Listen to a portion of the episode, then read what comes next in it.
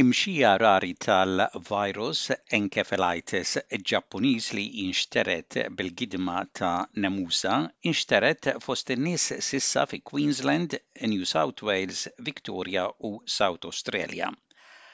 Għalkemm dan il-virus jinsab f'Papwa New Guinea u partijiet ta' Torres Strait, huwa rari ħafna fl-Awstralja. Issa, l-awtoritajiet tas-saħħa qegħdin attenti wara li instab li dan il-virus jinsab l-Awstralja u żewġ persuni tilfu ħajjithom wara li ngidmu minn nemus. Il-virus kif għedna jinxtered mill-gidma ta' dan in-nemus, hemm il-biża' li l-għarar li kellna dan l-aħħar ikompli jkattar u jxerred l-imxija tal-virus. Il-viroloġista Roy Hall jgħid li huwa rari ħafna li tara nies fl-Awstralja li jittieħdu minn dan il-virus, Jgħid li kienu jistennew li xi mard li jinġarr min-nemus isir aktar komuni u prominenti fl-Awstralja, imma dan ikun aktar virus li nafu bih fl-Awstralja. Li jkollok virus eżotiku ma kienux jistennewha. With all the wet weather we expected some arbovirus event, in other words we expected some mosquito-borne diseases to be more prominent, Um, but we thought it would be the local viruses. You know, we have a local strain of West Nile in the northern part of the country. We have a virus called Murray Valley encephalitis. It's quite similar to Japanese encephalitis.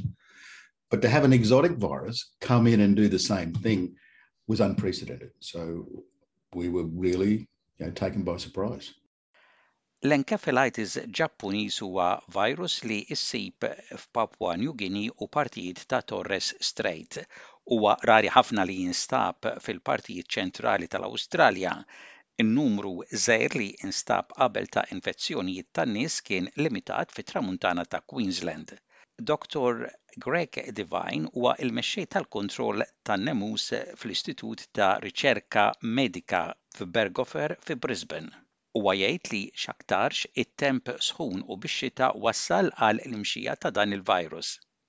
What we think is happening is that during these very wet and warm periods, they're obviously ideal for the proliferation of mosquitoes, Of course, the mosquito itself is, is, is not the issue. It, it has to pick up the virus from the, from the wild bird reservoir.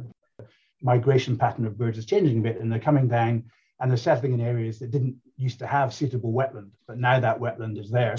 Um, and so where you get that sort of perfect storm uh, of uh, new wetland areas, migrating birds that happen to be virus infected, uh, and in the case of JE, close proximity to a piggery because um, It is pigs which are particularly good at amplifying the virus and allowing it to be passed on.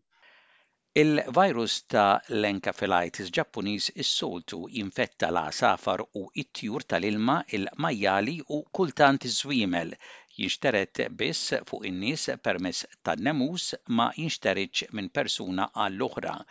U għalkemm jidher li l-infezzjonijiet huma l-aktar mifruxa fost il-postijiet fejn jinżammu l-majjali, il-majjali ma ixerrdux il-virus minn wieħed għal ieħor.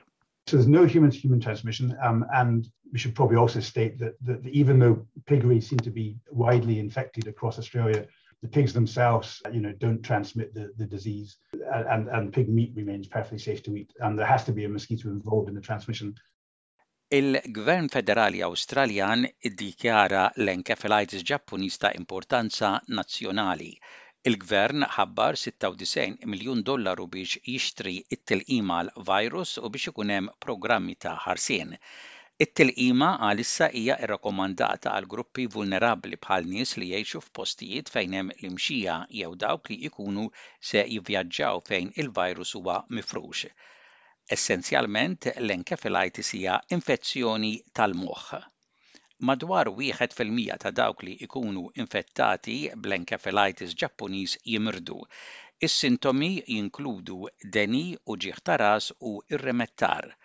Fost dawk li jiżviluppaw is-sintomi, in-numru ta' imwiet jista' jkun minn 25 sa 30 fil-mija.